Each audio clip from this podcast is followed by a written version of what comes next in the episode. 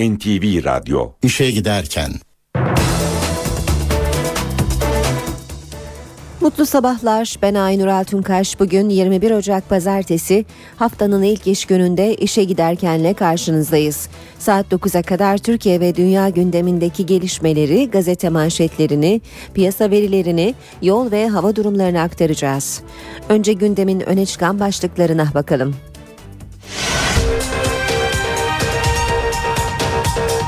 NATO'dan talep edilen Patriot füze sistemlerinden ilki Türkiye'ye ulaştı.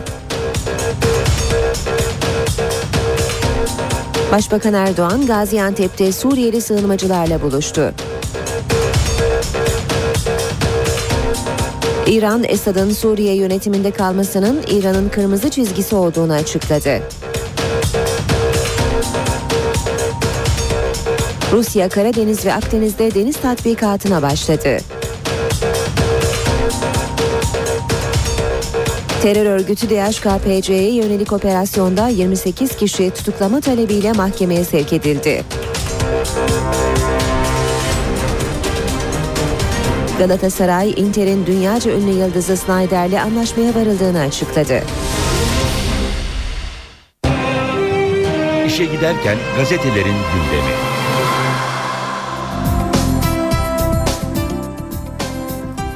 Basın özetlerine Hürriyet gazetesiyle başlıyoruz. Manşet paltoda barut izi. Paris'te sakine cansız Leyla Söylemez ve Fidan Doğan'ın öldürülmesiyle ilgili gözaltına alınan iki kişiden birinin paltosunda barut izi bulundu. Cinayetin işlendiği evdeki boş bir kovanda da DNA tespit edildi. Siyah paltosunda yapılan incelemede barut izi bulunan şüpheli kamera kayıtlarında da var. Kayıtlara göre 31 yaşındaki şüphelinin olayın olduğu gece elinde çantalarla binaya girip 46 dakika içeride kaldığı belirtiliyor. Fransa'da akşam yayınlanan bir gazetenin haberine göre şüphelinin 46 dakika ile ilgili ifadesinde çelişkili e, çelişkiler var demiş Hürriyet haberde. Devam edelim. Yine Hürriyet'ten aktaralım. Kürtleri seviyorum, Kürtçülüğü reddediyorum. Gaziantep gezisinin ikinci gününde konuşan Başbakan Erdoğan, ben Kürt sorunu diye bir şey tanımıyorum. Kürt kardeşlerimizi seviyorum ama Kürtçülüğü reddediyorum dedi. Nizip'te yaklaşık 8 bin kişiye hitap eden Erdoğan bir mesaj da ulusalcılara verdi. Ulusalcı geçinenler önümüzü kesmeye çalıştılar, kesemediler, kesemeyecekler. Başbakan Şubat'ta atama yoksa oy da yok diyen bir öğretmene ise o oy senin olsun al onu kendine sakla dedi. Milliyet gazetesiyle devam edelim. İlk ziyareti Ankara'ya diyor Milliyet manşette. Amerika Birleşik Devletleri'nin yeni Dışişleri Bakanı John Kerry ilk yurt dışı gezisini Şubat'ta Türkiye'ye yapacak. Kerry'nin BDP'lilerle de görüşmesi bekleniyor. Yine Milliyet gazetesinden aktaralım. Bir çocuk ölüme böyle sürüklendi. Sakarya'da şiddetten kaçarak sığındığı baba evinde kocası Süleyman Yaylan'ın dört bıçak darbesiyle ölen 17 yaşındaki Emine Yaylan'ın dosyası skandallarla dolu. Emine'yi daha önce defalarca şikayet ettiği kocasından koruyamayan devlet, kocasının beni öldürmeye çalıştığı iddiası üzerine genç kızı suça sürüklenen çocuk sıfatıyla mevcutlu olarak savcılığa götürmüş. Emine bu olaydan sadece 9 gün sonra öldürülmüş. Yine Milliyet'ten okuyoruz. Snyder 3,5 yıl Aslan'da Galatasaray Inter'le alacak sorununu çözen Hollandalı Yıldız'a 3,5 senelik sözleşme imzalattı. Snyder bugün Başkan Ünal Aysal'ın özel uçağıyla İstanbul'a gelecek. Anlaşmayı borsaya bildiren Galatasaray, Snyder'e her sezon 4,3 milyon euro garanti para ve 25 bin euro da maç başı ücret ödeyecek. Sabah gazetesiyle devam ediyoruz. PKK içi infaz kesinleşti gibi demiş Sabah.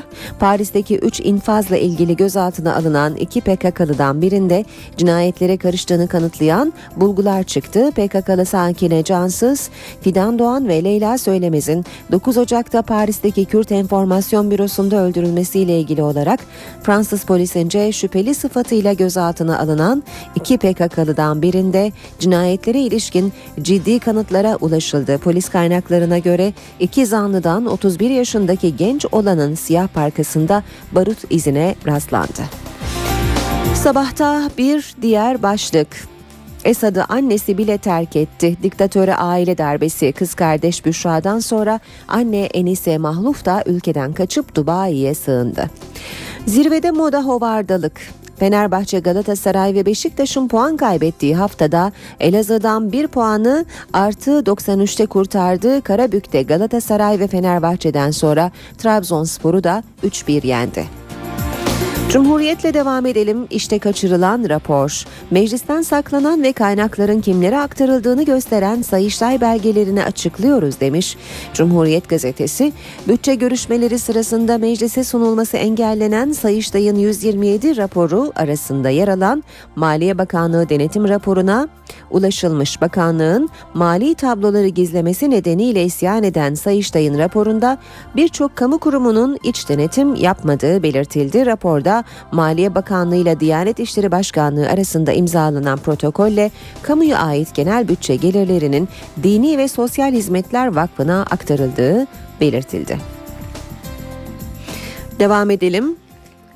Basın özetlerine Radikal Gazetesi'ne bakacağız. Her gece öğrencimi düşünüyorum. Yeni Türk Ceza Kanunu ve Ceza Muhakemesi Kanunu'nun mimarlarından Adalet Komisyonu'nun danışmanı Sözü Er çok iyi bir öğrencim haksız yere tutuklu, yargı kültürü sorunlu dedi. İstanbul Üniversitesi Hukuk Fakültesi Dekanı Profesör Adem Sözü Er'in açıklamalarını görüyoruz. Hastaneye giderken bir yürüyüşe denk gelmiş gözaltına alındı. Simiti reçetesi çantasında yürüyüşe katılsa bile tutuklanması gerekmez. Çocuk derdini anlatana kadar bir yıl geçecek. Terörist tanımı ceza hukukuna tecavüz ediyor. Bu kadar çok örgüt davası anormalliğin göstergesi. Türkiye'de tutuklamalar %99 hukuksuz. Olağanüstü yanlışlar dönemindeyiz çözüm kişilikli hukukçular yetiştirmekte demiş Profesör Adem Sözüer. Devam ediyoruz basın özetlerine Mil e, Vatan Gazetesi ile Kilit isim Ömer. Paris'te gözaltına alınan iki şüpheliden Ömer adlı kişiye Sakine'yi büroya bırak talimatını verenler araştırılıyor.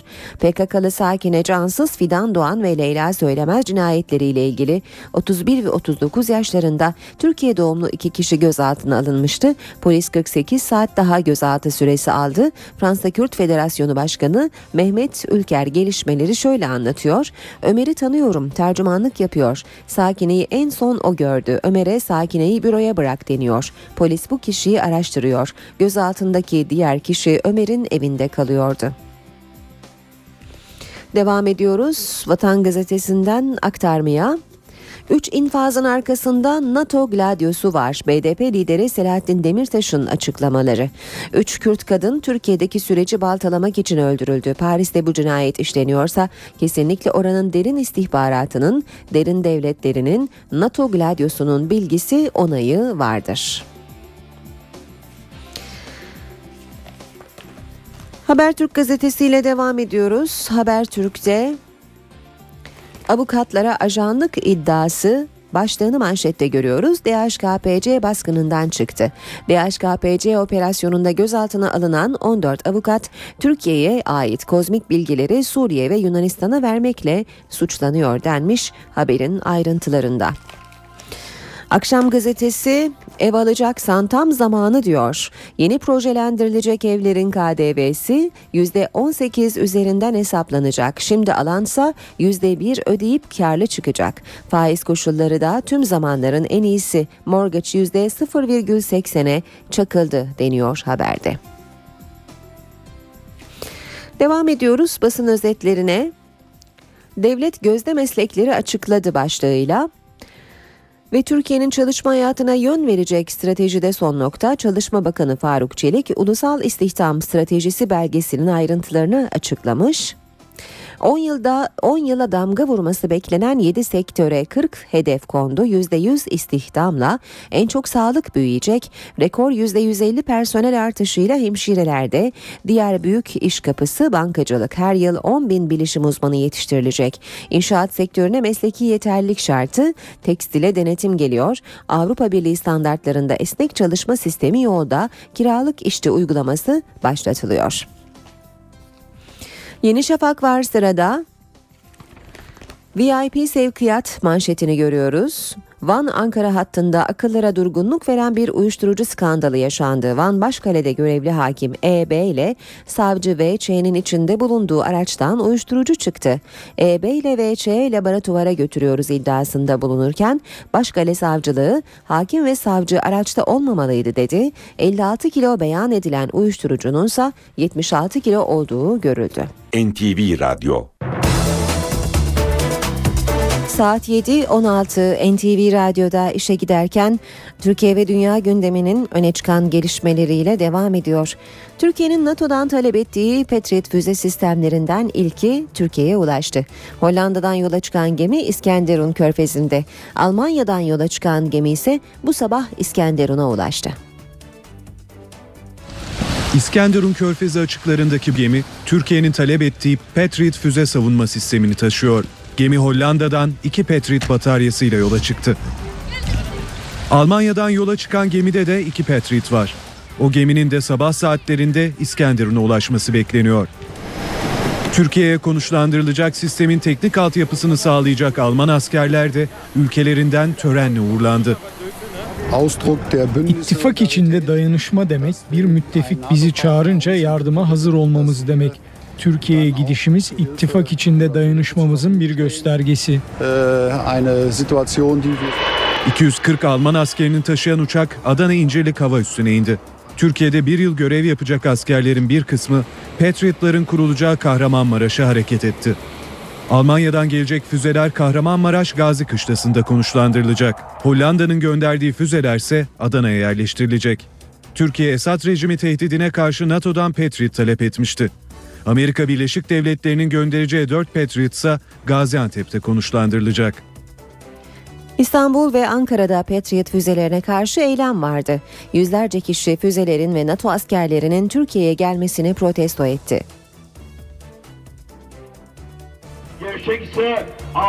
Ankara'daki eylemin adresi Kolej Kavşağı'ydı. KESK, DİSK ve TMOB üyeleri sokaktaydı.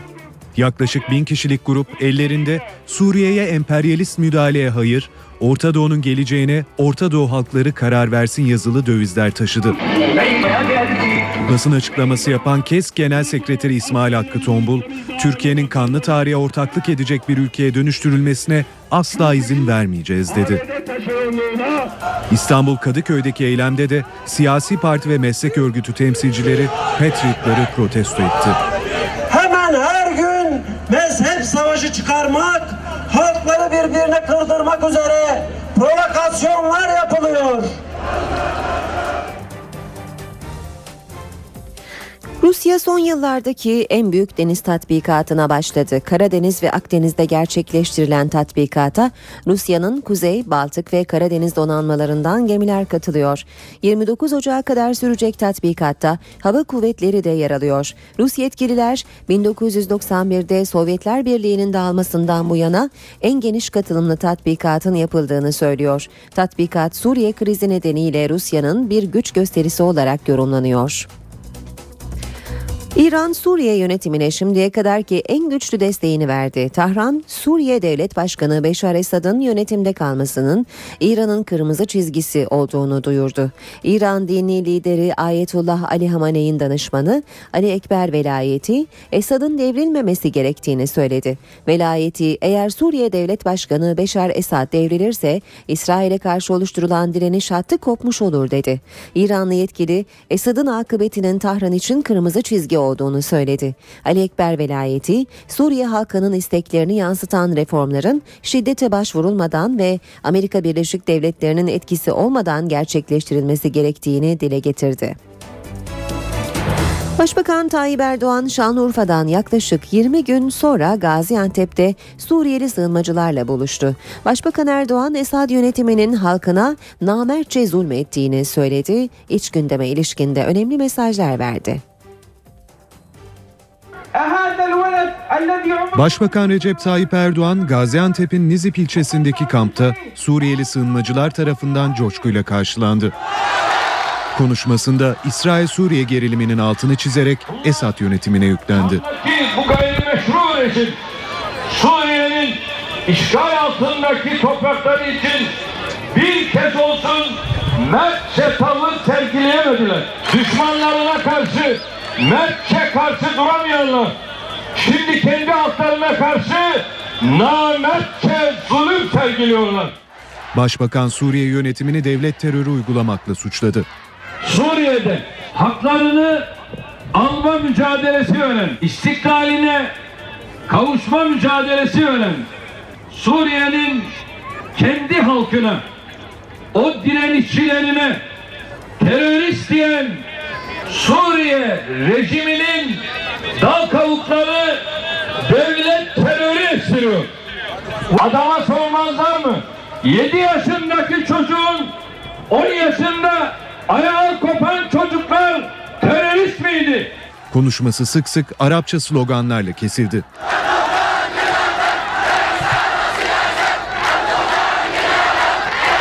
Başbakan kamptan önce ise Nizip ilçe merkezinde halka seslendi. İç gündeme ilişkin mesajlar verdi. Tutturmuşlar bir şey Kürt sorunu. Ben Kürt sorunu diye bir şey tanımıyorum. Kürt kardeşimin sorununa evet. Kürtçülüğe hayır.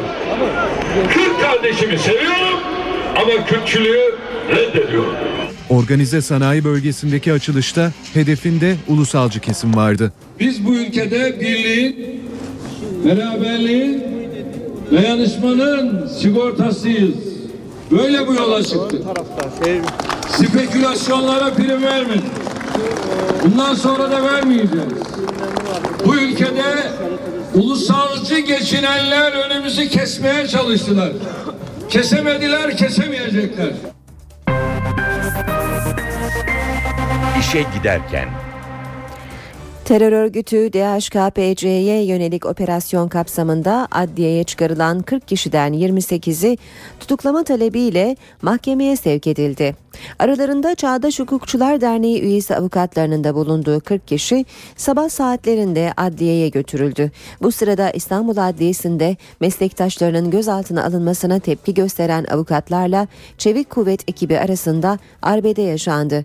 Ankara Barosu temsilcilerinin yanı sıra Cumhuriyet Halk Partisi'nden bir heyet de avukatlara destek için adliyedeydi. Grup yorum üyelerinin de aralarında bulunduğu 12 kişi savcılık sorgusunun ardından serbest bırakıldı. 28 şüpheli tutuklama talebiyle nöbetçi mahkemeye sevk edildi. Hakkında yakalama kararı bulunan ve Türkiye'ye dönüşünde havaalanında gözaltına alınan Çağdaş Hukukçular Derneği Başkanı Selçuk Kozağaçlı'nın savcılık işlemleri de devam ediyor. Gaziantep ve İstanbul'da atanamayan öğretmenlerin eylemi vardı. Gaziantep'te tek kişilik eylemde atanamayan öğretmen tepkisini Başbakan Erdoğan'ın katıldığı törende ortaya koydu. Kusura bakmayın. Biz bir şey söylediysek ne söylediysek o olur. Başkası olmaz. Başbakan Recep Tayyip Erdoğan'ın sözleri Gaziantep'teki açılışta Şubat'ta atama bekliyoruz diye seslenen kişiye yönelikti. Atanamayan öğretmen size o yok diye karşılık verince başbakanın tepkisi sert oldu. Sağ ol. O oy senin olsun. O oy senin olsun. Biz öyle spekülasyonlara falan girmeyiz. O spekülasyonlara girmeyiz. Al onu kendine sakla. Al onu kendine sakla. Tamam kendine sakla. Onu sen vermen gereken yere ver. Bize kimin oy vereceği belli. Bak burada görüyorsun. İstanbul'da ise atanamayan öğretmenler Taksim Meydanı'nda buluştu. Durumlarını temsilen siyah bir gelinlik taşıyorlardı. 80 bin teknik ve meslek, öğret- meslek öğretmeni sadece hakkı olan ünvan, ta- mühendislik tamamlama ve atama isteğidir. Türk Eğitim Sen İstanbul İl Başkanı Hanefi Bostan atamalar için adım atılmasını istedi. sayıları 80 bine ulaşan mesleki ve teknik eğitim fakültesi mezunlarından bugüne kadar sadece yüzde üçünün ataması yapılmıştır. işe giderken Paris'te 3 PKK'lı kadının öldürülmesiyle ilgili soruşturma sürüyor. Soruşturmaya ilişkin ayrıntılarsa Fransız basınının bir numaralı gündem maddesi. Fransa basınına göre polis gözaltındaki şüphelilerden birinin paltosunda barut izi buldu. Boş kovanlardan birinde ise 3 kadına ait olmayan DNA'ya rastlandığı belirtiliyor.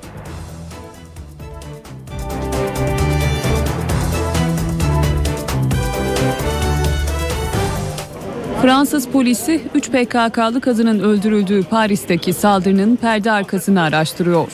Olayla ilgili iki şüpheliyi gözaltına alan polisin yeni deliller üzerinden soruşturmayı sürdürdüğü belirtiliyor. Fransız Journal Dimanche gazetesine göre cinayetlerin işlendiği dairede bulunan boş bir kovanda öldürülen 3 kadına ait olmayan bir DNA izine rastlandı.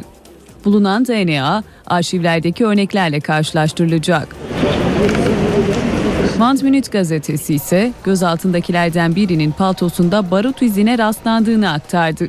Güvenlik kamera kayıtlarında binaya elinde çantalarla girip çıkarken görülen söz konusu şüphelinin olay gecesi 46 dakikalık bir zaman diliminde nerede olduğunu açıklayamadığı da iddia ediliyor. Aynı şüphelinin psikolojik durumu ile ilgili gazetede yer alan açıklamalarda kadınlardan hoşlanmadığına da değiniliyor. Olayın örgüt içi hesaplaşmanın yanı sıra kişisel bir aşk meselesi olabileceği ihtimalinin de göz önünde bulundurulduğu belirtiliyor. Şüphelilerle ilgili kimlik bilgileri de Fransız basınında. Buna göre gözaltındakilerden biri 1974'muş, diğeri ise 1982 Sivas doğumlu. İki kişinin aynı evde yaşadıkları ve daha olayın başında kendi rızalarıyla polise giderek ifade verdikleri belirtiliyor. Sivas'ta olan şüphelinin Sakine Cansız'ın bürokratik işlerini takip ettiği ve olay öncesi Cansız'ı Kürdistan Enformasyon Bürosu'na bıraktığı belirtiliyor. Polisin bu şüpheli kişiyi çelişkili ifadeler verdiği gerekçesiyle gözaltına aldığı ve tutuklanması talebiyle mahkemeye sevk edileceği de Fransız basınında yer alan haberlerden. AK Parti Genel Başkan Yardımcısı Mehmet Ali Şahin, Paris'te 3 PKK'lı kadının infaz edilmesini hatırlatarak benzer bir olay Almanya'da da yaşanabilir uyarısında bulundu. Şahin Karabük'te katıldığı bir programda konuştu. İşlenen öldürme olayı ve cinayeti Batı'nın başta Fransa olmak üzere iki güçlülüğünü, çok güçlülüğünü de ortaya çıkarmıştır. Biz yıllardır Avrupa Birliği ülkelerine, Fransa'ya, Almanya'ya hep bir şey söylüyoruz Türkiye. Siz bu PKK terör örgütünün ve onların mensuplarını koruyorsunuz. Onlara sahip çıkıyorsunuz. Yanlış yapıyorsunuz. Bir gün bu örgüt sizin başınıza da bela olacak dedik. Bak olmaya başladı. Yılanı kucağınızda besliyorsunuz, tutuyorsunuz. Dedik. Ciddi almadılar. Kaç kez uluslararası kurallar gereği onların Türkiye iadesiyle ilgili yazılar yazıldı. Hiçbirine cevap vermediler, hiçbirini iade etmediler. Ama şimdi işte başlarına neler geldiğini onlar da yavaş yavaş görmeye başladılar. Şimdi Fransa. Korkarım önümüzdeki günlerde Almanya'da buna benzer bir takım olaylarla karşılaşabilir. O bakımdan Türkiye'nin bu beladan kurtulması ile ilgili başlamış olan bu süreci başarıyla sonuçlandırma gibi bir görev olduğunu düşünüyorum. Türk sinemasının sultanı Türkan Şoray'dan terörü bitirmek için başlatılan sürece destek geldi. Denizli'de kitabı için düzenlenen imza gününde konuşan Şoray, artık barış istemiyoruz dedi. Artık barış istiyoruz dedi. Hepimizin e, yani e, duyguların artık tahammülü kalmadı. Barış olsun istiyoruz. E, ülkemizde herkes kardeşçe yaşasın, birbirini sevgiyle kucaklasın istiyoruz artık. E, ve ben bunun olacağına inanıyorum. E, yani ülkemizde bundan sonra kardeş kardeş e, çok mutlu bir Türkiye olacak. Yani e, ülkemiz insanları böyle mutlu yaşamaya layık insanlar. İşe giderken devam edecek saat 7.30 ben Aynur Altunkaş. Birazdan spor haberlerine bakacağız ama şimdi kısa bir aramız var. Ara vermeden önce gündemin başlıklarını hatırlatalım.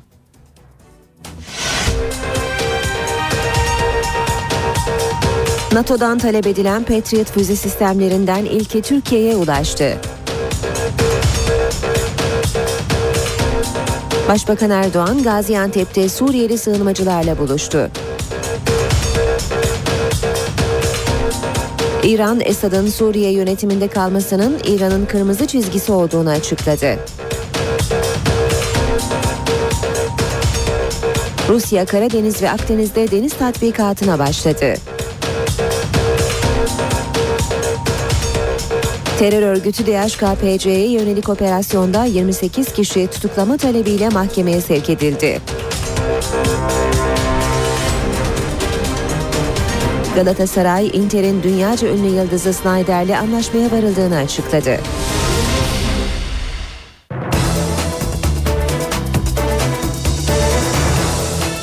NTV Radyo'da işe giderken de birlikteyiz. Birazdan spor haberlerine bakacağız. Önce İstanbul trafiğindeki son durumu aktaralım. Pek çok noktada bugün yoğunluk var. Boğaziçi Köprüsü Anadolu Avrupa geçişinde Libadiye itibarıyla yoğun e, bir trafik olduğunu görüyoruz. Köprü ortasına kadar bu şekilde devam ediyor. Ancak köprü çıkışında yeniden yoğunlaşan bir trafik söz konusu. Hürriyet Tepesi Çağlayan yönünde bir araç arızası var. Bu bilgiyi de aktaralım. Boğaziçi Köprüsü Avrupa Anadolu geçişi ise Mecidiyeköy itibarıyla yoğun seyrediyor köprü çıkışına kadar. Fatih Sultan Mehmet Köprüsü Anadolu Avrupa geçişinde yoğunluk Kavacık'tan itibaren etkili. Bu arada Ataşehir Çakmak yönünde zincirleme bir kaza olduğunu söyleyelim. Bölgede seyredenleri uyaralım. Tem otoyolu Anadolu yakasında Ataşehir'den başlayan Kartal Kavşağı'na kadar da devam eden bir trafik var. Dudullu Kavşağı Ataşehir arasında da trafik yoğun seyrediyor. Anadolu yakasıyla yine devam edelim. Kartal Kavşağı'ndaki çalışma sebebiyle bölgede trafik yoğun. Maltepe e, Kozyatağı arasında trafik yoğun seyrediyor. Yoğunluk özellikle Bostancı Kozyatağı arasında etkili. Avrupa yakasıyla devam edelim. Çoban Çeşme'den başlayan e, E5'te Cevizli Bağ'a kadar uzanan bir trafik var. Ayrıca Topkapı Otakçılar arası da yine çok yoğun seyrediyor. O3'te Yüzyıl Köprüsü atış alanı arası çift yönlü yoğun. Atış alanı Bayrampaşa arasında da yine yoğun bir trafik var. Tem'le devam edelim.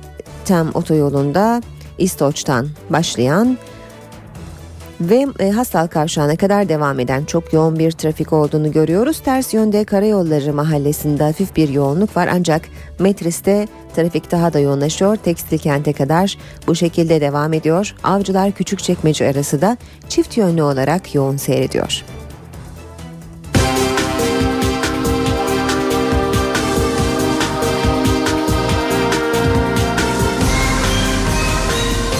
İşe giderken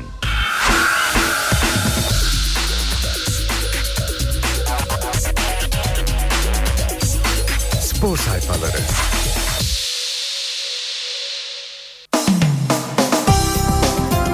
Habertürk gazetesiyle devam edelim ve Snyder Galatasaray'da diyor Habertürk Spor. 10 günden bu yana herkesin gözü kulağı ondaydı. Nefes kesen bekleyiş dün sona erdi. Cimbom Türk futbol tarihinin en önemli transferlerinden birini resmen açıkladı. Kalbi sarı kırmızı renkler için atan milyonlar adına zordu beklemek. Her gün sanki bir asır gibi geçti. Bomba dün gece patladı. Galatasaray'ın teklifine evet diyen Wesley Snyder 3,5 yıllık sözleşmeye imza attı. Inter'le bonservis bedeli olarak 7,5 milyon euroya anlaşan Cimbom 29 yaşındaki Snyder'e de maç başı ücretlerle birlikte yıllık 5 milyon euro ödeyecek. İmza töreninin yarın e, Türk Telekom Arena'da olacağı belirtiliyor haberin ayrıntılarında. Bir diğer başlıkla devam edelim. Yine Snyder'le ilgili bir haber. Derbide oynarım. Ee, sarayda lale devrini başlatan Snyder çok sabırsız. Galatasaray taraftarına gurur yaşatacağım diyen Hollandalı Yıldız, büyük maçlarda oynamayı seviyorum. Fizik olarak hazırım. Hafta sonundaki Beşiktaş maçında da oynamak istiyorum açıklamasını yaptı. Son durak Galatasaray sözleşmenin yapılmasının ardından sıcağı sıcağına Hollandalı futbolcu ile telefonla konuşan Başkan Ünal Aysal, Wesley Snyder bana kariyerini Galatasaray'da tamamlamak için geldiğini söyledi diye konuştu. Devam edelim Milliyet gazetesiyle Milliyet'ten aktaracağımız ilk başlık Söz uçar, yazı kalır. İkinci yarıya iddialı giren taraftarına başarı sözü veren Fenerbahçe hayal kırıklığı yaşattı. Sarı lacivertli ekip yarıştaki rakiplerinin puan bıraktığı haftada Elazığ Spor karşısında devreyi Jervis ve Köksal'ın golleriyle geride kapadı. Gökhan ve Zigelar'ın atılmasıyla iki takımda 10 kişi kaldı. Soğla umutlanan ev sahibi Mehmet Topal'la bir puanı zor kurtardı. 100 kızartıcı 100 rakamla 4 büyük takım 18. hafta sonunda tam 100 puan kaybetti. Galatasaray, Beşiktaş, Fenerbahçe ve Trabzon 1987-88 sezonundan bu yana en az puan topladıkları sezonu yaşıyor. Muhasebe sezon sonu Aykut Kocaman geri döndüğünüz için pişman mısınız sorusuna yanıt vermekten kaçındı. Muhasebeyi sezon sonu yapacağım dedi. Görevi sonuna kadar sürdüreceğini özellikle vurguladı. Devam edelim. Milliyet gazetesinden spor haberleri aktarmaya. Snyder bitti demiş Milliyet de. Galatasaray Inter'le 2 milyon euroluk alacak sorununu çözen Hollandalı Yıldız'a 3,5 senelik sözleşme imzalattı. Snyder bugün Başkan Ünal Aysal'ın özel uçağıyla İstanbul'a getiriliyor. Çelik Çomak Galatasaray ve Fenerbahçe'yi deviren Bakkal'ın öğrencileri Trabzonspor'u da bozguna uğrattı. E, Kardemir Demir Çelik Karabük Spor 3'te Hakan Özmert'le öne geçti. Bordo Mavililerin 9. dakikadaki yanıtı gecikmedi. 40. dakikada İlhan Parlağan penaltısı Trabzonspor'u umutsuzluğa itti. 79'da Ahmet İlhan'ın golü Karabük, Karabük'ün zaferini perçinledi. Devam ediyoruz yine milliyetten aktarmaya. Beşiktaş'ın ihtiyacı orta saha. Transfer döneminde iyi bir forvet arzulayan Beşiktaş rotayı orta sahaya döndürdü. Siyah beyazların Braga'da görev yapan Hugo Viana'ya yöneldikleri ifade edildi. Emir Cemiloğlu Hilton 45 ile kupayı kaldırdı. Kemer Country Golf Club'da düzenlenen Garanti Masters özel bankacılık Grand Prix binicilik yarışlarında İstanbul Atlı Spor Kulübü'nden Emir Cemiloğlu Hilton 45 isimli atıyla kupayı kazandı. Radvanska hız kesmedi. Kadınlar tenisinin formda hareketlerinden Radvanska Sırp Ivanovic'i zorlanmadan 2-0'la geçti. Leh raket çeyrek finalde Li Na'nın rakibi oldu. Tartışmasız lider. Acıbadem Bayanlar Voleybol Ligi'nde zirvenin sahibi Vakıfbank Fenerbahçe karşısında galibiyete uzanırken zorlanmadığı yenilmezlik unvanını korudu. Skor 3-1. Devam edelim. Hürriyet gazetesinden haberlerle. Aktaracağımız ilk başlık Fenerbahçe'de kayıplarda. Yılmaz Vural bu kez Sarı Lacivertlilere Elazığ Spor'la çelme taktı. Üç kırmızı kartın çıktığı heyecan yüklü maçta Jervis ve Göksal'ın gollerine engel olamayan Fenerbahçe, Sol ve Mehmet Topal'la bir puanı zor kurtardı. 34 şutta 4 isabet 2 gol Sarı Lacivertliler şutlarda karavana rekoru kırdı. 12'de korner attığı maçı kazanmayı başaramadı. Bizim için şaka gibi bir maçtı demiş Aykut Kocaman. Rakiplerin kayıpları vardı. Kazanmalıydık. Rakip iki şutta gol buldu. Bizim için her şey şaka gibiydi diye konuştu.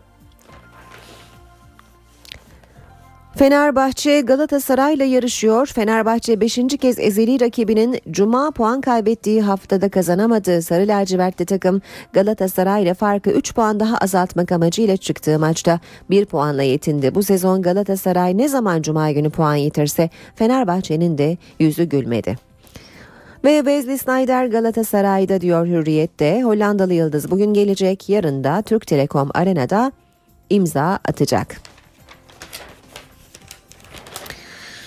Snyder'i Moratti bitirdi demiş bir başka başlıkta. Hürriyet, Galatasaray futbol tarihimizin en önemli transferlerinden birini başarıyla gerçekleştirdi. Inter Başkanı kalmaktan söz eden Hollandalı'ya çok geç dedi. İtalyan kulübüyle 8 Ocak'ta anlaşan ve o günden bu yana Snyder'in olumlu yanıtını bekleyen Galatasaray dün işi resmen bitirdi. Inter Başkanı Moratti'nin telkininin yanı sıra Galatasaray'ın son dakika zamları Hollandalı'ya evet dedirtti. Aptal oğlum diyor sıradaki başlık Elazığ Teknik Direktörü kırmızı kart gören oyuncusunu böyle eleştirdi. A benim aptal gerizekalı oğlum Marvin neden kendini attırıyorsun? Yılmaz Vural Hollandalı oyuncusuna o hareketi yapmamalıydı. Şimdi Marvin'in başı benimle belaya girecek bu profesyonel futbolculuk değil diye yüklendi deniyor haberde. Ve spor haberleri e, aktarmayı sürdürüyoruz. Bir başlık daha bakkal hesabı Karabük Spor önce Galatasaray sonra Fenerbahçe ve dün de Trabzon'u aynı tarifeyle 3-1 devirdi diyor haber. Mesut Bakkal yönetimindeki Mavi Ateş bir devi daha dize getirdi diye de devam ediyor. Böylece e, sonuna geldik bu bölümünde. Son başlığı da aktaralım. Lejyonerler son nefeste. Son dakikaya kadar çekişmeli geçen All Star maçında gülen yabancılar oldu. Semih Erden 19 sayı 10 reboundla double double yaptı. Ligimizin Türk ve yabancı yıldızlarını karşı karşıya getiren ve nefeslerin kesildiği karşılaşmada Gaziantep Büyükşehir Belediyeli Dorsey ve Anadolu Efes'in starı Vujacic ön plana çıktı. Mücadeleyi Büyükşehir Belediye'nin misafirleri kazandı demiş haberde Hürriyet gazetesi. Spor haberlerini böylece bitiriyoruz. İşe giderken Gündemde öne çıkan gelişmelerle devam edelim. Türkiye'nin NATO'dan talep ettiği Patriot füze sistemlerinden ilki Türkiye'ye ulaştı. Hollanda gemisi dün İskenderun limanı açığına demirledi. Almanya'dan, e, Almanya'dan yola çıkan geminin de şu sıralarda İskenderun'da e, olduğu belirtiliyor. Ayrıntıları NTV muhabiri Özden Erkuş'tan alalım. 21 Kasım'da başlamıştı süreç. Türkiye önce bir uçağının düşürülmesi ardından Akçakale'de 5 vatandaşının bir top mermisi sonucu hayatını kaybetmesinin ardından NATO'nun kapısını çalmıştı. 21 Kasım'da Türkiye'nin yaptığı resmi talep kısa süre sonra karara bağlandı ve tam 60 gün sonra yani bugün de ilk Patriot'lar artık Türkiye'de 3 donör ülke var. Bunlardan biri şu anda e, geminin içinde bulunan Almanya'nın Patriot'ları Hollanda ve Amerika Birleşik Devletleri Türkiye'ye toplam 6 bataryadan oluşan bir e, füze savunma sistemi gönderdiler ve o ülkelerden biri Almanya'nın Patriot'ları artık birkaç dakika içerisinde İskenderun limanında olacak hazırlık NATO'nun resmi kararını almasının hemen ardından başlamıştı. Önce bazı uzmanlar gelip sahada incelemeler yapmışlar. Tehdit değerlendirmesi, hedef kıymetlendirmesi çalışmaları gerçekleştirmişlerdi ve bu kapsamda Patriot füze savunma bataryalarının hangi noktalara, hangi kentlere konuşlandırılacağı tespit edilmişti ve sürdürülen müzakereler ve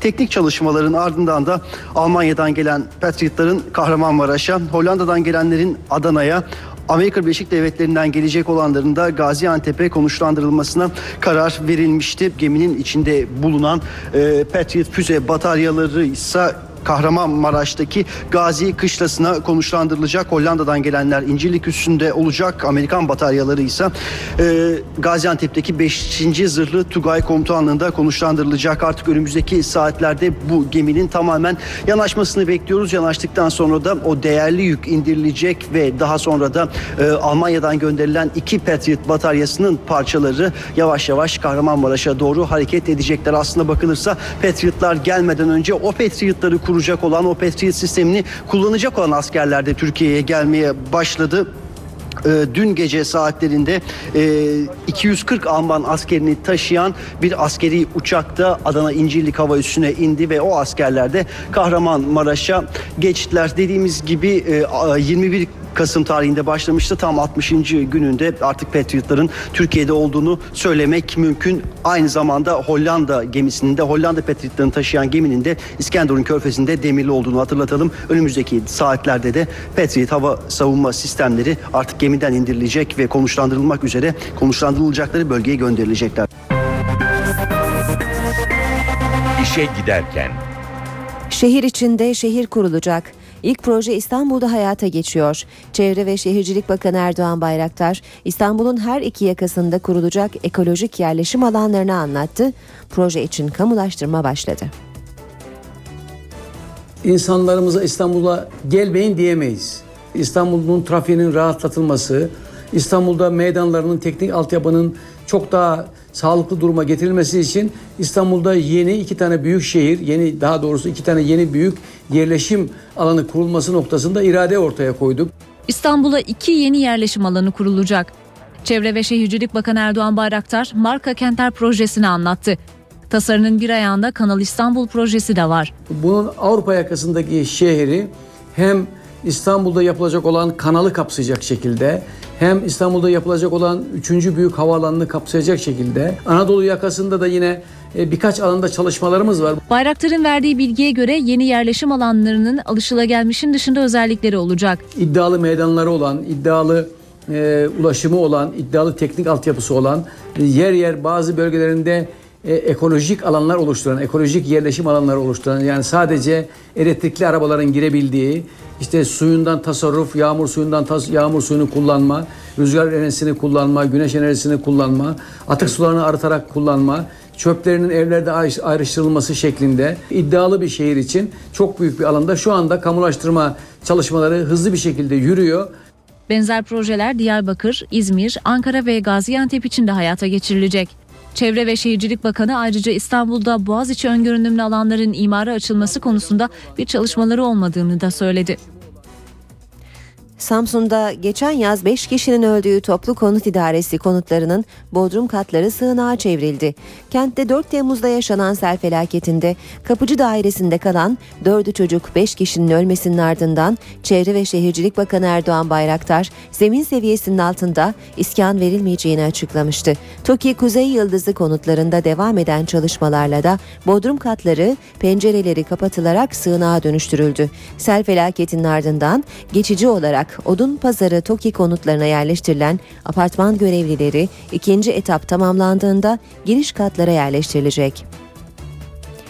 Hayvan dostları bir kez daha sokaklara döküldü. Ankara ve İstanbul'da gösteri yapan eylemciler hayvanları koruma kanununda yapılması planlanan değişikliğe tepkilerini bir kez daha dile getirdi. Çok şirindir hayvanlar, insandan medet umarlar. Çıksın artık bu yasa, onlar zaten fukara, o hayvanların suçuna. Hayvanseverler ölüm yasası olarak niteledikleri hayvanları koruma kanununda planlanan değişikliği önce şarkılarla protesto etti. Barınaklarda yaşar, o hayvanların suçuna. Ardından sloganlarla Ölüm yasasına hayır! Ölüm yasasına hayır! Ankara Sakarya Meydanı'nda bir araya gelen grup düzenlemeye ilişkin eleştirilerini sıraladı. Bu takdirde hem uygulamada hem sosyal anlamda hem de teknik olarak büyük sorunlar yaşanacağına inandığımız bu net bu metnin yasalaşmaması için buradayız. Hayvanları öldüren, ölümlerine yol veren bir kısım hayvanı yasaklı ve tehlikeli ilan eden, yeterince ve ciddi hükümlerle korumayan bir yasayı kabul edemeyeceğimi anlatıyoruz. Grup sokak hayvanlarının bulundukları yerden alınıp aşılanması, kısırlaştırılması ve yeniden yaşadığı ortama bırakılmasını öngören maddenin korunmasını talep etti. Eylemde bir hayvanseverin giydiği leopar desenli kürkse görenleri şaşırttı. Boğaziçi Köprüsü'nden atlayarak hayatına son veren yazar Metin Kaçan'ın cesedi 13 gün sonra bulundu. Kaçan İstanbul'da toprağa verildi. Bu hak sizlerin de cümle geçmişlerine Fatih Camii avlusu. Ailesi, mesai arkadaşları, akrabaları herkes Metin Kaçan'a son görev için toplandı.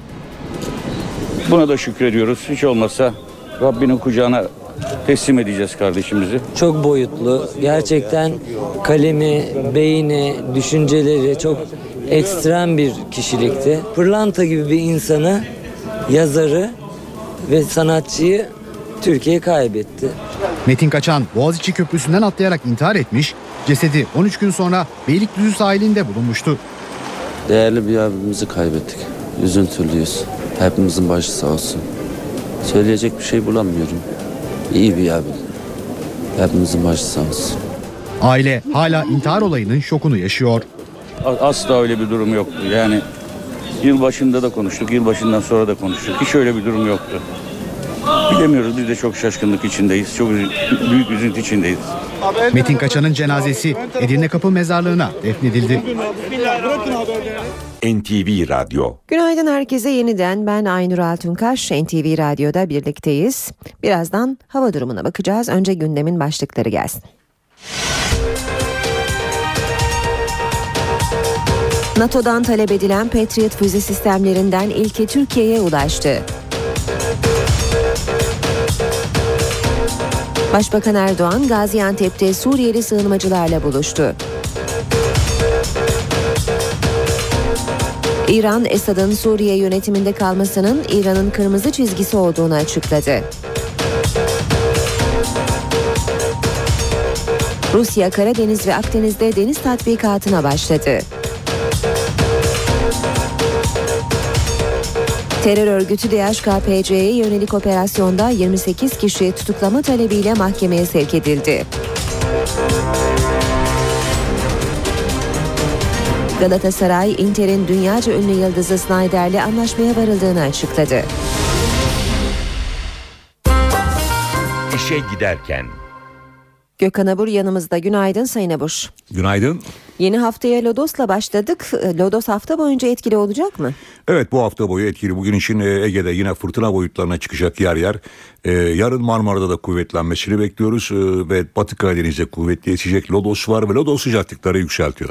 Yalnız batıda değil ülkenin tümünde sıcaklıklar yer yer mevsim ortalamaların 5 ila 8 derece üzerinde olacak bu haftanın ilk günlerinde. Bu akşam itibariyle ve öğleden sonra artacak bulutlanmayla birlikte akşama doğru Ege'ye yeniden yağışlı havanın etkisi altına girecek. Şu an itibariyle Ege'de yağış yok. Yalnızca doğu bölgelerde dün başlayan hafif kar yağışı vardı. Bunlar da etkisini giderek kaybedecek ki Sivas'ta Erzurum'daki kar yağışları önümüzdeki saatlerde kesilecek ve hava açık olacak. Havanın açık olmasıyla tabii bu gece yine doğu bölgelerde sıcaklıkların yer yer yer yer o bölgelerde yine eksi 20 derecelere yaklaşmasını bekliyoruz. Şu anda hafif kar yağışı olduğu için Erzurum'da hava sıcaklığı eksi 3 derece civarında. Batıda öğleden sonra artacak bulutlanma yağış getirecek demiştim. Bu yağışlar Çanakkale hatta Edirne'nin e, güney ilçelerinden başlayıp Ege'nin tümünü etkisi altına alacak ve aralıklarla devam edecek. Yağışların gece ve özellikle yarın kuvvetlenmesini bekliyoruz kıyı Ege boyunca. Ve bunlar sağanak yağmur şeklinde olacak. İç kesimlerde de hafif yağışlar görülecek ama Lodos'tan dolayı sıcaklıklar yine yüksek değerlerde olmaya devam edecek. Hafta boyu hafta boyu batı ve iç kesimlerde aralıklarla olsa yağışlar var. Biraz evvel vurguladığım gibi e, bu hafta sonu özellikle Akdeniz çok kötü geçirdi. Antalya başta olmak üzere kuvvetli sağanaklar ve hortum bölgede yine su baskınlarına ve büyük boyutlarda zarara sebep oldu. Özellikle cuma gecesi ve cumartesi günü için. Antalya ve çevresinde ve Akdeniz boyunca bugünlerde o kadar kuvvetli yağışlar beklemiyoruz ama aralıklarla yağışlar salı ve çarşamba günü de Akdeniz'de etkili olacak. İç kesimlerde yine aralıklarla yağış görülecek. Doğuda ise hava çok soğuk. Doğuda da önemli bir yağış bugün ve yarın beklemiyoruz. Evet bizlere bekleyen hava koşulları genellikle böyle. Avrupa'da çok soğuk anlar yaşanıyor. Türkiye'de ise bahar havası var. O soğuklar bize ay sonunda gelecek. Büyük olasılıkla sanırım. gelecektir. Çünkü mutlaka atmosferin kendini dengelemesi lazım. Biz yoğun kış koşullarını yaşarken İngiltere, Fransa, Almanya'da hava oldukça ılıktı. Evet. Şimdi orası soğudu. Biz ılık duruma geçtik. Peki teşekkür ediyoruz Gökhan Abur bizimleydi.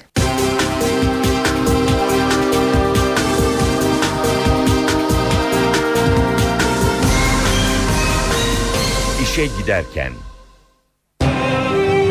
İşe giderken gazetelerin gündemi.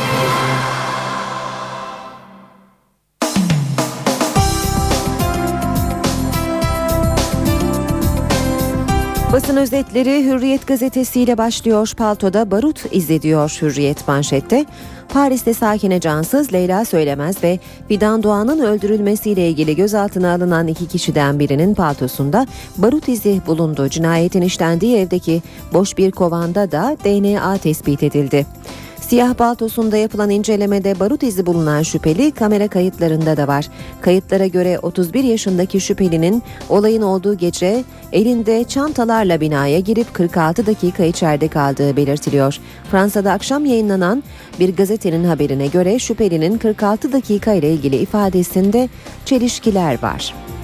Yine hürriyetten başlık Kürtleri seviyorum, Kürtçülüğü reddediyorum. Gaziantep gezisinin ikinci gününde konuşan Başbakan Erdoğan, ben Kürt sorunu diye bir şey tanımıyorum. Kürt kardeşlerimizi seviyorum ama Kürtçülüğü reddediyorum dedi.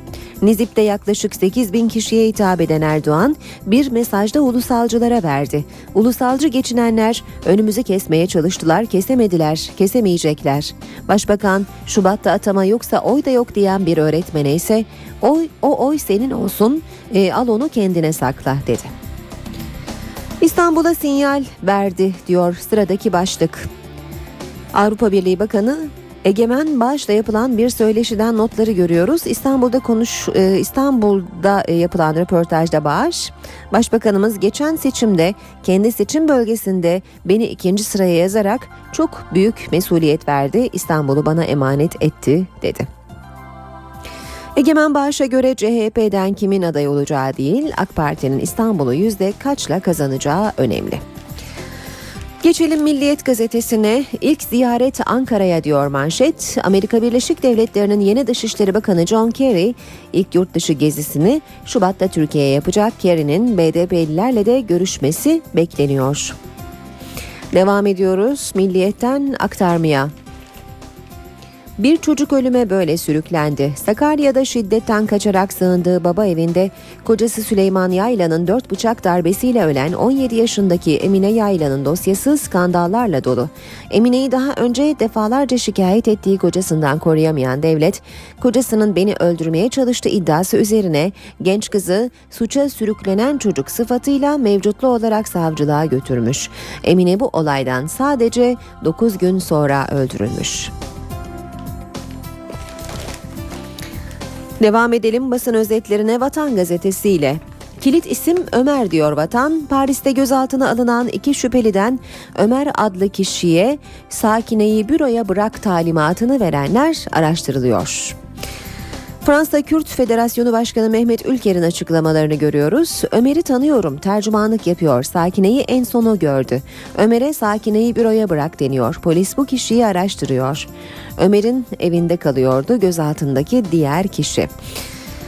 Devam edelim. Vatan Gazetesi'nden yine aktarmaya 3 infazın arkasında NATO Gladiosu var. BDP lideri Selahattin Demirtaş Paris'teki suikastları ve yeni süreci anlatmış. 3 Kürt kadın Türkiye'deki süreci baltalamak için öldürüldü. Paris'te bu cinayet işleniyorsa kesinlikle oranın derin istihbaratının, derin devletlerinin NATO Gladiosu'nun bilgisi onayı vardır. Radikal gazetesi var sırada. Her gece o öğrencimi düşünüyorum. Yeni Türk Ceza Kanunu ve Ceza Muhakemesi Kanunu'nun mimarlarından Adalet Komisyonu'nun danışmanı Profesör Adem Sözüer, çok iyi bir öğrencim haksız yere tutuklu, yargı kültürü sorunlu dedi. Hastaneye giderken bir yürüyüşe denk gelmiş gözaltına alındı. Simidi, reçetesi çantasında. Yürüyüşe katılsa bile tutuklanması gerekmez. Çocuk derdini anlatana kadar bir yıl geçecek. Terörist tanımı ceza hukukuna tecavüz ediyor. Bu kadar çok te- örgüt davası anormalliğin göstergesi. Türkiye'de tutuklamalar %99 hukuksuz. Olağanüstü yanlışlar dönemindeyiz. Çözüm kişilikli hukukçular yetiştirmekte diyor Profesör Doktor Adem Sözer. Geçelim Cumhuriyet'e. Manşet işte kaçırılan rapor. Meclisten saklanan ve kaynakların kimlere akıtıldığını gösteren Sayıştay belgelerini açıklıyor Cumhuriyet. Bütçe görüşmeleri sırasında Türkiye Büyük Millet Meclisi'ne sunulması engellenen Sayıştay'ın 127 raporu arasında yer alan Maliye Bakanlığı denetim raporuna Cumhuriyet ulaşmış. Bakanlığın mali tabloları gizlemesi nedeniyle isyan eden Sayıştay'ın raporunda birçok kamu kurumunun iç denetim yapmadığı belirtildi. Raporda Maliye Bakanlığı ile Diyanet İşleri Başkanlığı arasında imzalanan protokolle kamuya ait genel bütçe gelirlerinin Dini ve Sosyal Hizmetler Vakfı'na aktarıldığı belirtildi. Raporda devlete ait taşınmazların kira gelirlerinin piyasa rayicine göre ayarlanmasına imkan veren yönetmeliğin değiştirilmesi sonucu devletin büyük zararlara uğradığına dikkat çekildi demiş Cumhuriyet gazetesi.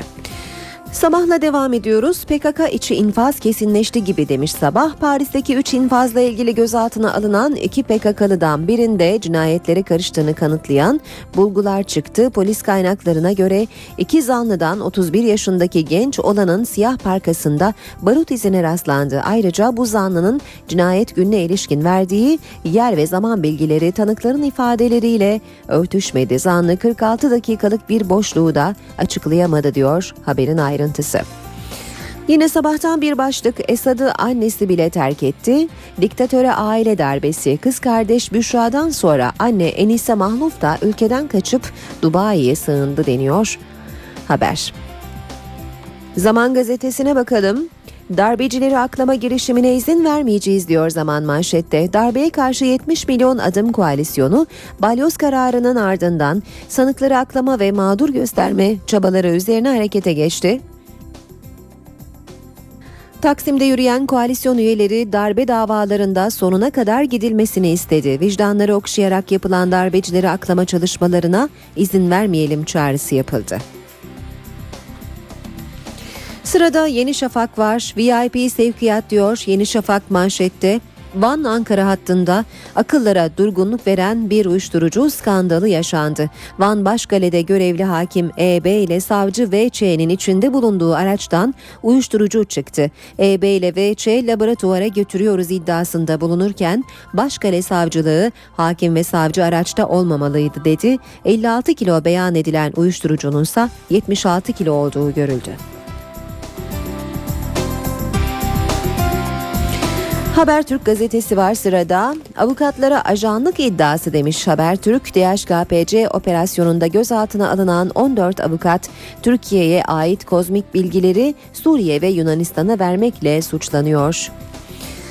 Snyder Cimbom'da Hollandalı Yıldız Snyder Galatasaray'a evet dedi. Sarı kırmızılı taraftarın merakla beklediği haber dün İtalya'dan geldi. Galatasaray Interli Wesley Snyder'le 3,5 yıllığına anlaştı. Snyder bugün uçakla İstanbul'a geliyor. Hemen altında avantajı kullanamadı başlığını görüyoruz. Fenerbahçe de zirve yarışındakilerin kayıp modasına uydu. Elazığ Spor önünde 2-0 yenik duruma düşen Sarı Lacivertler beraberliği uzatmada zor kurtardı. Ve son başlık akşamdan manşet ev alacaksan tam zamanı. Yeni projelendirilecek evlerin KDV'si %18 üzerinden hesaplanacak. Şimdi alansa %1 ödeyip karlı çıkacak. Faiz koşulları da tüm zamanların en iyisi. Mortgage %0,80'e çakıldı diyor haber.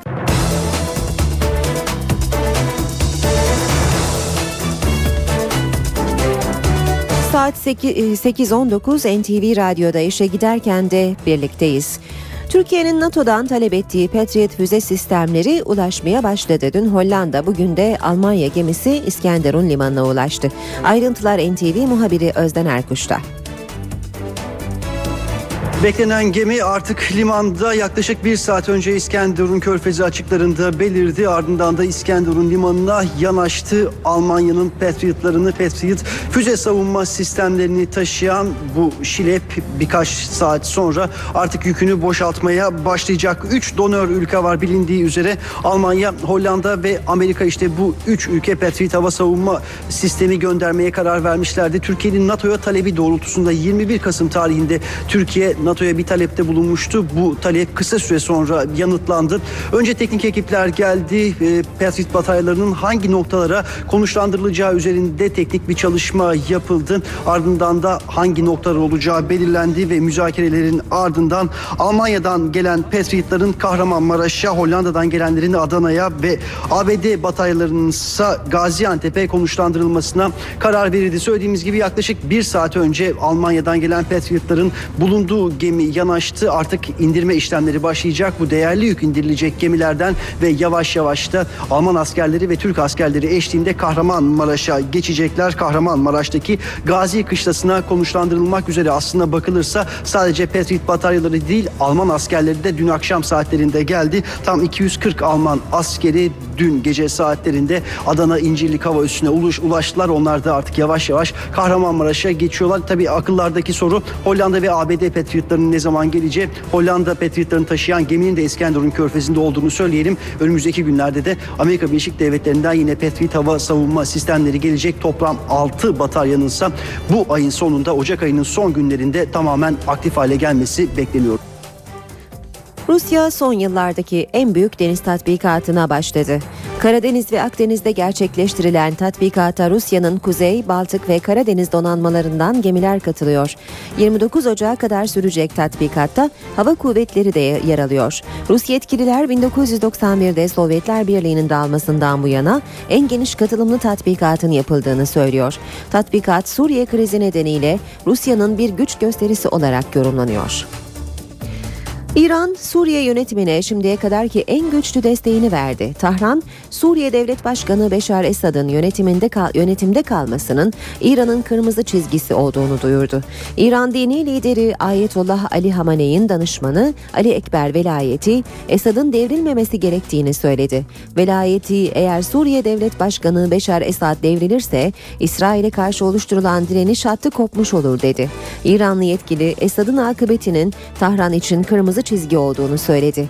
Ali Ekber Velayeti Suriye halkının isteklerini yansıtan reformların şiddete başvurulmadan ve Amerika Birleşik Devletleri'nin etkisi olmadan gerçekleştirilmesi gerektiğini vurguladı. İşe giderken Terör örgütü DHKPC'ye yönelik operasyon kapsamında adliyeye çıkarılan 40 kişiden 28'i tutuklama talebiyle mahkemeye sevk edildi. Aralarında Çağdaş Hukukçular Derneği üyesi avukatlarında bulunduğu 40 kişi sabah saatlerinde adliyeye götürüldü. Bu sırada İstanbul Adliyesi'nde meslektaşlarının gözaltına alınmasına tepki gösteren avukatlarla Çevik Kuvvet ekibi arasında arbede yaşandı. Ankara Barosu temsilcilerinin yanı sıra Cumhuriyet Halk Partisi'nden bir heyet de avukatlara destek için adliyedeydi. Grup yorum üyelerinin de aralarında bulunduğu 12 kişi savcılık sorgusunun ardından serbest bırakıldı. 28 şüpheli tutuklama talebiyle nöbetçi mahkemeye sevk edildi. Hakkında yakalama kararı bulunan ve Türkiye'ye dönüşünde havaalanında gözaltına alınan Çağdaş Hukukçular Derneği Başkanı Selçuk Kozağaçlı'nın savcılık işlemleri de devam ediyor.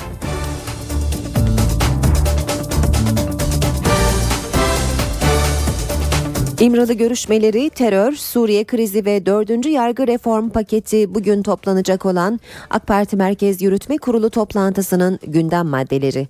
Başbakan Erdoğan başkanlığındaki toplantı saat 14'te AK Parti Genel Merkezi'nde gerçekleşecek. Toplantıda İmralı MİT görüşmeleri sürerken oluşan atmosfer ele alınacak. Terörle mücadelenin de masaya yatırılacağı toplantıda Suriye krizinde gelinen durum da değerlendirilecek. AK Parti Merkez Yürütme Kurulu toplantısında Başbakan Erdoğan'ın son Gaziantep gezisi ve Suriyeli sığınmacıların kamplarını ziyaretindeki izlenimlerini de üyelerle paylaşması bekleniyor. Toplantıda iki aydır hükümetin gündeminde olan 4. yargı reform paketinin de değerlendirilmesi söz konusu.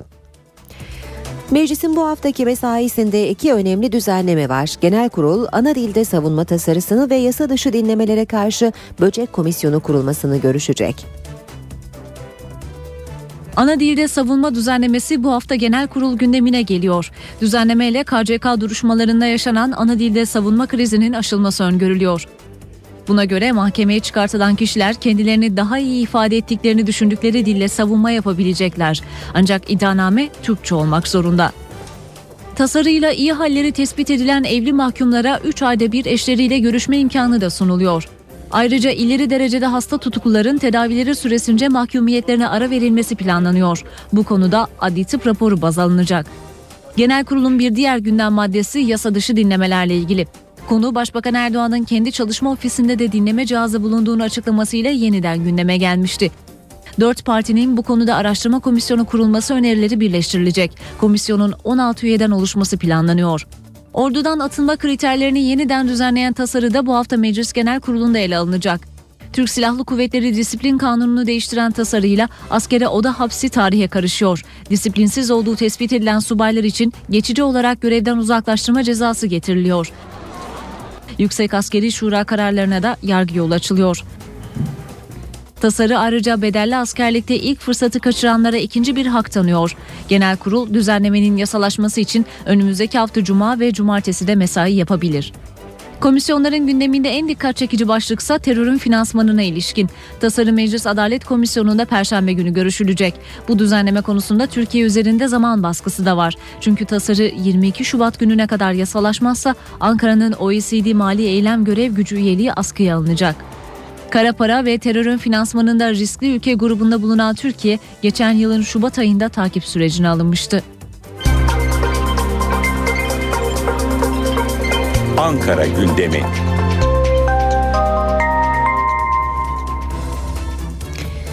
Başkent gündeminin ayrıntılarını NTV muhabiri Ercan Gürses'ten alıyoruz.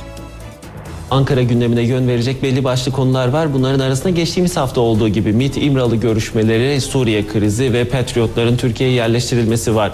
Tabi bu hafta mecliste parlamentoda önemli yasal düzenlemelerde görüşülecek. Ana dilde savunma düzenlemesinin meclisten geçmesi söz konusu olacak.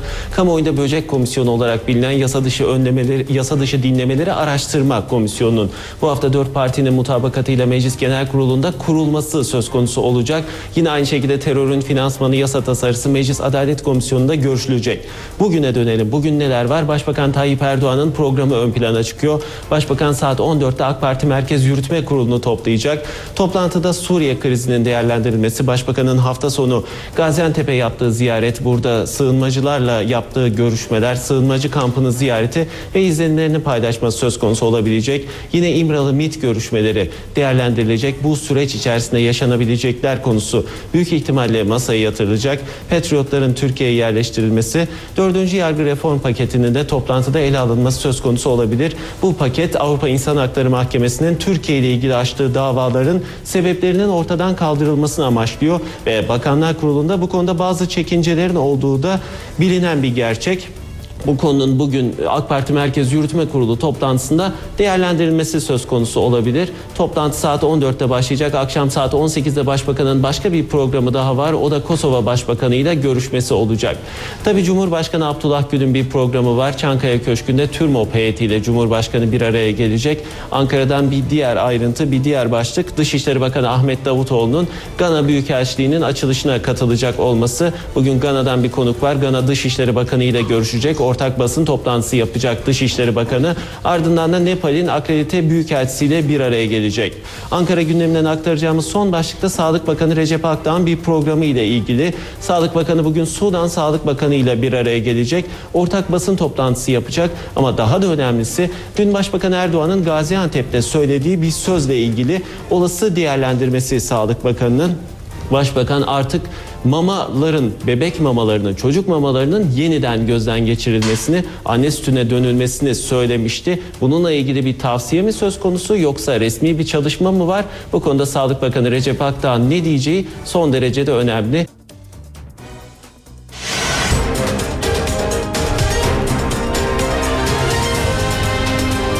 NTV Radyo, Türkiye'nin haber radyosu. NTV Radyo'da işe giderken de birlikteyiz. Saatimiz 8.30'a doğru yol alıyor. Birazdan İstanbul trafiğine de bakacağız. Ama şimdi e, piyasalardaki son verileri hatırlayalım.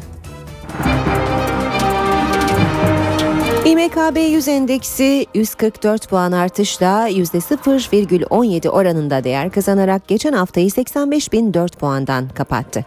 Bu sabah serbest piyasada dolar 1.78, euro 2.34'ten işlem görüyor. Euro dolar 1.33, dolar yen 90 düzeyinde. Altının onsu 1690 dolar, kapalı çarşıda külçe altının gramı 96 lira. Cumhuriyet altını 643, çeyrek altın 159 liradan işlem görüyor. Brent petrolün varil fiyatı 112 dolar.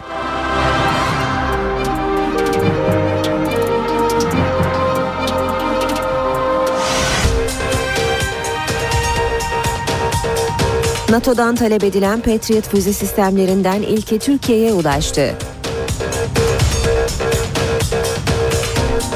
Başbakan Erdoğan Gaziantep'te Suriyeli sığınmacılarla buluştu. İran, Esad'ın Suriye yönetiminde kalmasının İran'ın kırmızı çizgisi olduğunu açıkladı.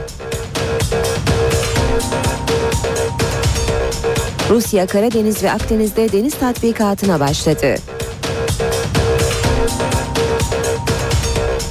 Terör örgütü DHKPC'ye yönelik operasyonda 28 kişi tutuklama talebiyle mahkemeye sevk edildi.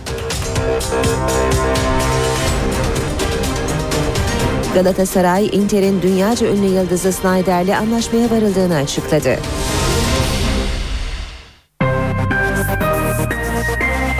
İşe giderken İstanbul trafiğiyle devam edeceğiz. Ee, şu anda Anadolu yakasından önce bir kaza haberi duyuralım.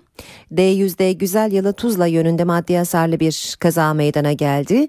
Ayrıca bir başka kazada Tem'de Sultanbeyli Kurtköy kavşağı yönünde zincirleme trafik kazası var. Her iki bölgede de bu kazalar sebebiyle trafik yoğun seyrediyor. Fatih Sultan Mehmet Köprüsü Anadolu Avrupa geçişinde Ataşehir'den itibaren başlayan yoğunluk Çavuşbaşı'na kadar etkili. Sonrasında açık ancak Kavacık'ta yeniden yoğunlaşıp köprü girişine kadar trafik yoğun olarak devam ediyor.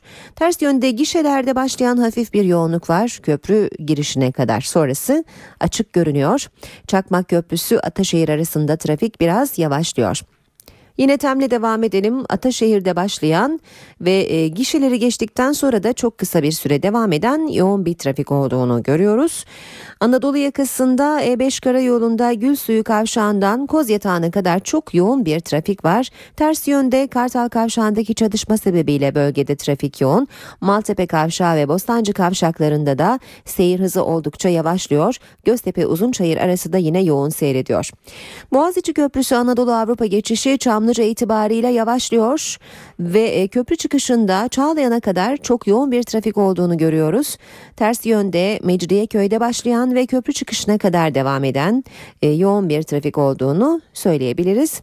D100 karayolunda e, yoğunluk var. Yeni Bosna'dan başlıyor bu yoğunluk ve Cevizli Bağ kadar da devam ediyor. E, ancak anıt mezar Ayvansaray arası çok yoğun bir trafiğe sahip. Ters yönde Bahçeli Evler'de başlayan ve Şirin Evler'e kadar uzanan bir yoğunluk olduğunu söyleyebiliriz.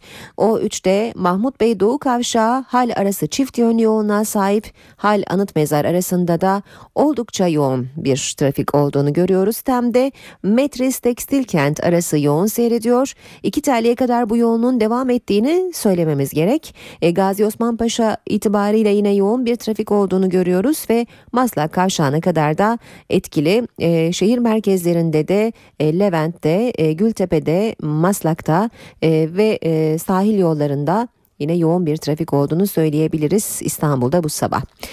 Saatimiz 8.34'ü gösteriyor. İşe giderken devam edecek. Şimdi reklamlar için bir küçük molamız var. Mükemmel çatı ve Kılıçoğlu'nun sunduğu işe giderken devam edecek. Reklam Beko'dan küçük fiyatlara büyük tasarruf. Şimdi Beko enerji tasarruflu ürünler maksimum karta özel 48 liradan başlayan taksitlerle. Kaçırılmayacak bu fırsatlar Beko yetkili satıcılarında. Bu şarkıyı çok sevdiğim canım Tep Bankası'na ithaf ediyorum. Canım benim. Dükkana şenlik krediniz var bizim de onda. Gözümüz var 36 ay vadeniz var. Almaya geleceğiz vallahi. Dükkana şenlik krediniz var bizim de onda. Gözümüz var 30 bin liraya ihtiyaç var. Almaya geleceğiz vallahi. Almaya geleceğiz billahi Esnaf şenlensin diye 36 aya varan vadeler ve 6 aya varan ana para erteleme fırsatıyla 30 bin liraya kadar dükkana şenlik kredi cepte. Abi arabada LPG'ye geçtim rahat ettim. E biliyor musun ki LPG'den daha ekonomik LPG var. Bulmaca gibi konuşma. Neymiş o? Gaz ayarı yapılmış LPG. Ah bu ayar neredeyse bana bir ayarlasana. Aygaz diyor ki aracınızın yakıt ekonomisi için gaz ayarı önemlidir. Üstelik şimdi Aygaz'da gaz ayarı da bedava, 60 liraya kadar otogaz da bedava. Aygaz Dönüşümcü Kulübü servislerine gelin, kampanyadan yararlanın. Ayrıntılı bilgi için Aygaz Otogaz Facebook sayfası veya 444 4999. Aygaz Otogaz. Yeni yılın ilk müjdesi Deniz'den. 0.88'den başlayan faiz oranlarıyla masrafsız cebinde kredi için kredim yaz. TC kimlik numaranı 3280'e gönder. Kredi cevabın 5 dakikada cebine gelsin. Üstelik Deniz'de evrakla, formaliteyle uğraşmak yok. Başvurun onaylansın. Nüfus cüzdanına gel, kredini kullan. Başvurması kolay, kullanması kolay her derde deva cebimde krediyle hayat denizde güzel. Ayrıntılı bilgi Denizbank şubelerinde ve denizbank.com'da. Koçtaş'a gidiyorum Doğayı çok seviyorum Enerji tasarruflu ürünlerle doğa dostu bir ev yaratmak için siz de Koçtaş'a gelin. Koçtaş'a gidiyorum Doğayı çok seviyorum Bu piyon kruvasan var ya nefis bir şey ya. Yapıp piyon kruvasanı kahvaltıda yersin. İşte okulda evde yolda yersin. Çayla kahveyle meşrubatla yersin. Ya kurs saati 24 saat yersin kardeşim. Daha ne diyeyim nasıl tarif edeyim ya? Piyon kruvasan da. Nefis milföy hamuru, içi enfes lezzetlerle dolu. Yepyeni bir alışkanlık. Bien kruvasan. Tarifsiz lezzet. Olacak şey mi? Hem de 1 lira. Koçtaş'ta hem siz kazanın hem doğa kazansın. Doğa dostu enerji tasarruflu ürünlerden yapacağınız 250 lira ve üzeri alışverişlerde 25 lira, 500 lira ve üzeri alışverişlerde tam 50 lira paro puan hediye. Koçtaş'a gidiyorum, doğayı çok seviyorum. Doğru yalıtım daha fazlasını kazandırır. Yeni nesil üstün ısı yalıtımı İzocephe. Mükemmel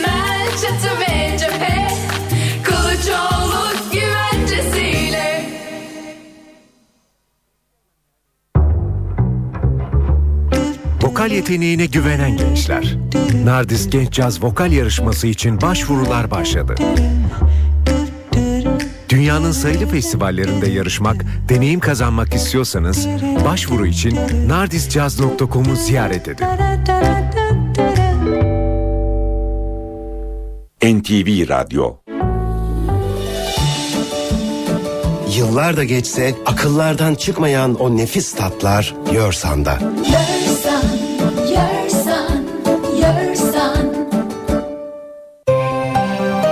Reklam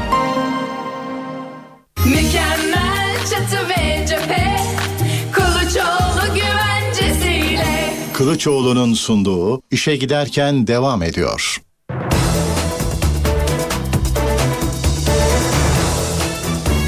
Dünya gündeminden gelişmelerle işe giderken sürüyor saat 8.38.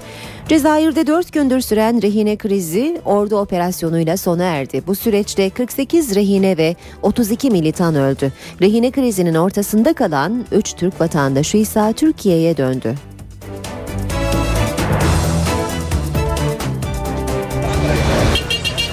Cezayir'de 4 gün süren rehine krizi kanlı bitti. Rehine ve militanlardan onlarca ölü var. Yerleştirilen patlayıcılarla mayınları temizlemek için doğal gaz tesisine giren Cezayir ordusu çok sayıda ceset buldu. Kimliklerin belirlenmesi zor olduğu için cesetlerin kimlere ait olduğu netleşmiş değil.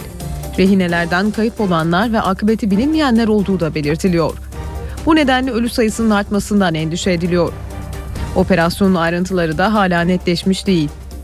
Cezayir İçişleri Bakanlığı 107 yabancı rehineyle 685 Cezayirlinin kurtarıldığını belirtmekle yetiniyor. Doğal gaz tesisinden kaçmayı başaran 3 Türk vatandaşının sağlık durumu ise iyi. Ordunun sert müdahalesi tepki çekse de batılı ülkeler Cezayir hükümetini eleştirmekten kaçınıyor. Les terroristes très nombreux Bu doğal gaz tesisine saldıran çok sayıdaki teröristler katillerdir. Yağmalıyorlar, tecavüz ediyorlar ve öldürüyorlar. Bu yüzden bu operasyon öyle yapılmalıydı, böyle olmalıydı denilmemeli. 16 Ocak'ta EKD'ye bağlı bir grup Cezayir'in güneydoğusunda bulunan yabancıların da çalıştığı Ayna Menas doğalgaz tesisine baskın düzenlemiş, çalışanları rehin almıştı. Cezayir'deki eylemcilerin amacı Fransa'nın Mali'deki operasyonunu protesto etmekti. Mali'deki son durumu da aktaralım. Fransa'nın hava saldırıları İslamcı grupların ilerleyişini durdurdu. Militanlar bir kentten daha çekildi. Fransa Hava Kuvvetleri'nin yoğun bombardımanı sonucu İslamcı militanlar ülkenin Diabali kentinden çekildi. 35 bin nüfuslu kentten geriye yanmış ve tahrip olmuş araçlar kaldı. Militanlar daha önce de yine Fransız bombardımanı nedeniyle Kona kentini terk etmişti. Mali'de bundan sonra atılacak adımlar tartışma konusu. Ülkeye yönelik askeri müdahalede başı çeken Fransa, Afrika ülkelerinin Mali krizinde daha etkin rol oynamalarını istiyor. Fransa Dışişleri Bakanı Laurent Fabius, önceliklerinin Afrika güçlerinin Mali'de konuşlandırılması olduğunu söyledi. Afrika ülkeleri ise askeri planlama, finans ve malzeme konusunda destek arayışında. Birleşmiş Milletler Güvenlik Konseyi kararı uyarınca Birleşmiş Milletler'in acil lojistik ve finansal destek sağlamasını istiyoruz. Nijerya ile Togo Mali'ye asker gönderirken Çad, Nijer ve Burkina Faso gönderme hazırlığında. Fransa'nın 2000 askerinin bulunduğu Mali'ye 3000 de Afrika askerinin konuşlanması amaçlanıyor. Fransa, Mali'nin kuzeyini ele geçiren El-Kaide ile bağlantılı grupların başkent Bamako'ya ilerleyişini durdurmak için operasyon başlatmıştı. Amerika Birleşik Devletleri Başkanı Barack Obama Beyaz Saray'da düzenlenen sade bir törenle yemin ederek ikinci dönemine resmen başladı. Obama'nın kamuya açık sembolik yemin töreni ise bugün. Washington'daki töreni 800 bin kişinin takip etmesi bekleniyor. Amerikan Başkanı Barack Obama ikinci dönemine resmen başladı. Obama Beyaz Saray'ın Mavi Odası'nda düzenlenen sade bir törenle yemin etti. Eşi Michelle ve iki kızı da törende başkanın yanındaydı. I, Barack Hussein Obama, do solemnly swear. Töreni Obama'nın 2009'da ilk başkanlık yeminindeki gibi yine Anayasa Mahkemesi Başkanı John Roberts yönetti. So help you God. So help me God. Congratulations, Mr. President. Thank you, Mr. Chief Justice. Thank you so much. Beyaz Saray'daki yemin töreninin nedeni Amerikan Anayasası'nın başkanın 20 Ocak'ta göreve başlaması gerektiğini belirtmesi. Sembolik ve kamuya açık olan törense bugün. Washington'daki törenin 1 milyon 800 bin kişinin takip ettiği Obama'nın 2009'daki yemin töreni kadar görkemli olması beklenmiyor. Ancak yine de töreni izlemeye 800 bin kişinin gelmesi bekleniyor. Avrupa'daki kar ve soğuk hava ulaşımı özellikle de hava ulaşımını olumsuz etkiledi. Paris'te, Londra'da yüzlerce uçak seferi iptal edildi. Binlerce kişi de hava alanlarında beklemek zorunda kaldı. Avrupa'nın batısında kar ve soğuk hava ulaşımı olumsuz etkiliyor. En fazla etkilenen de hava ulaşımı. İngiltere'nin başkenti Londra'da kıtanın en yoğun havaalanı Heathrow'da uçuşların beşte biri yapılamayınca binlerce yolcu saatlerce beklemek zorunda kaldı. Fransa'nın başkenti Paris'te de kar nedeniyle Charles de Gaulle ve Orly havaalanlarındaki uçuşların %40'ı yapılamadı. Yolcular daha önce uyarıldığı için Londra'daki görüntüler Paris'te yaşanmadı. Ancak bazı yolcular uçaklarını beklerken endişeliydi. Küba uçağını bekliyoruz. Zamanında bir değişiklik olmayacağı söylendi. Ama kar yağışına göre karar verilecek. Şimdilik bir şey bilmiyoruz. Almanya'nın en yoğun havaalanında da durum pek farklı değildi. Yetkililer kar yağışı ve dondurucu soğuk nedeniyle Frankfurt Havaalanı'nda onlarca uçuşun iptal edildiğini açıkladı. Sırada BBC Türkçe servisinin gözünden İngiltere basınında öne çıkan gelişmeler var. İngiltere'de yayınlanan gazetelerde Cezayir'deki İslamcı militanların Mali'ye Fransız askeri müdahalesine gerekçe göstererek bir doğal gaz tesisinde rehin aldıkları çok sayıda Batılıyı öldürmesiyle ilgili haber ve yorumlar ön planda. Cezayir ordusunun kurtarma operasyonu sırasında ölenler arasında 6 İngiliz'in de bulunması üzerine İngiltere Başbakanı David Cameron'ın yaptığı açıklama Guardian gazetesinin manşetinde. Kuzey Afrika'nın sahil bölgesinde El-Kaide'ye karşı küresel çaptaki mücadelenin 10 yıllar alabileceği sözünü aktaran gazete, buna rağmen karanlık günlere dönüş olmadığı görüşünü öne çıkarıyor. Daily Telegraph, Cezayir'deki İslamcı militanların lideri Muhtar Bel Muhtar'ın artık Batı ülkelerinin arananlar listesinin ilk sıralarına yerleştiği görüşünü aktarıyor. Richard Spencer analizinde Bel Muhtar'ın adamlarının son eylemlerinde Cezayir'in ekonomisinin bel kemiği olan petrol sektörüne hedef alarak ve çok sayıda Batılıyı öldürerek kırmızı çizgiyi aştığını belirtiyor. Guardian'ın tam sayfa ayırdığı bir haber konusu da ABD Başkanı Barack Obama'nın ikinci dönem başkanlığının ilk gününde yapacağı konuşma. Amerika Birleşik Devletleri'nin ilk siyahi başkanının yemin töreninin Amerikalı siyahların efsanevi lideri Martin Luther King'e atfedilen güne rastladığına dikkat çekiliyor. Fakat Gary Young benzerliklerin abartılmaması gerektiği görüşünde. Bir barışsever olan King'in Amerika Birleşik Devletleri'ni dünyanın en büyük şiddet dağıtıcısı diye tarif ettiği belirtilen yorumda Obama'nın seçim kampanyasında ise El-Kaide lideri Bin Laden'in öldürülmesinin öne çıkarıldığı hatırlatılıyor. Times gazetesinin başyazısında İsrail'de yarın yapılacak seçimler ele alınıyor. Başyazıda dolmuş haldeki Filistinlerle barış sürecinin veya İran'ın savurduğu tehditlerin seçim kampanyalarında pek gündeme gelmediğine dikkat çekiliyor. Yarışın sağ ve sol arasında değil, daha çok sağcı ve solcu parti bloklarının kendi içinde geçtiğini belirten gazete, Başbakan Benjamin Netanyahu'nun koltuğunu koruyacağına kesin gözüyle bakıldığını dile getiriyor. Konuyla ilgili haberini iki devletli çözüm bir ulus karar verecek başlığıyla veren Independent, seçim sonucunun Orta Doğu'da barış ümitlerini azaltabileceğinin altını çiziyor. İşe giderkenden bugünlük de bu kadar. Ben Aynur Altunkaş. Gelişmelerle saat başında yeniden buluşmak üzere. Hoşçakalın. NTV Radyo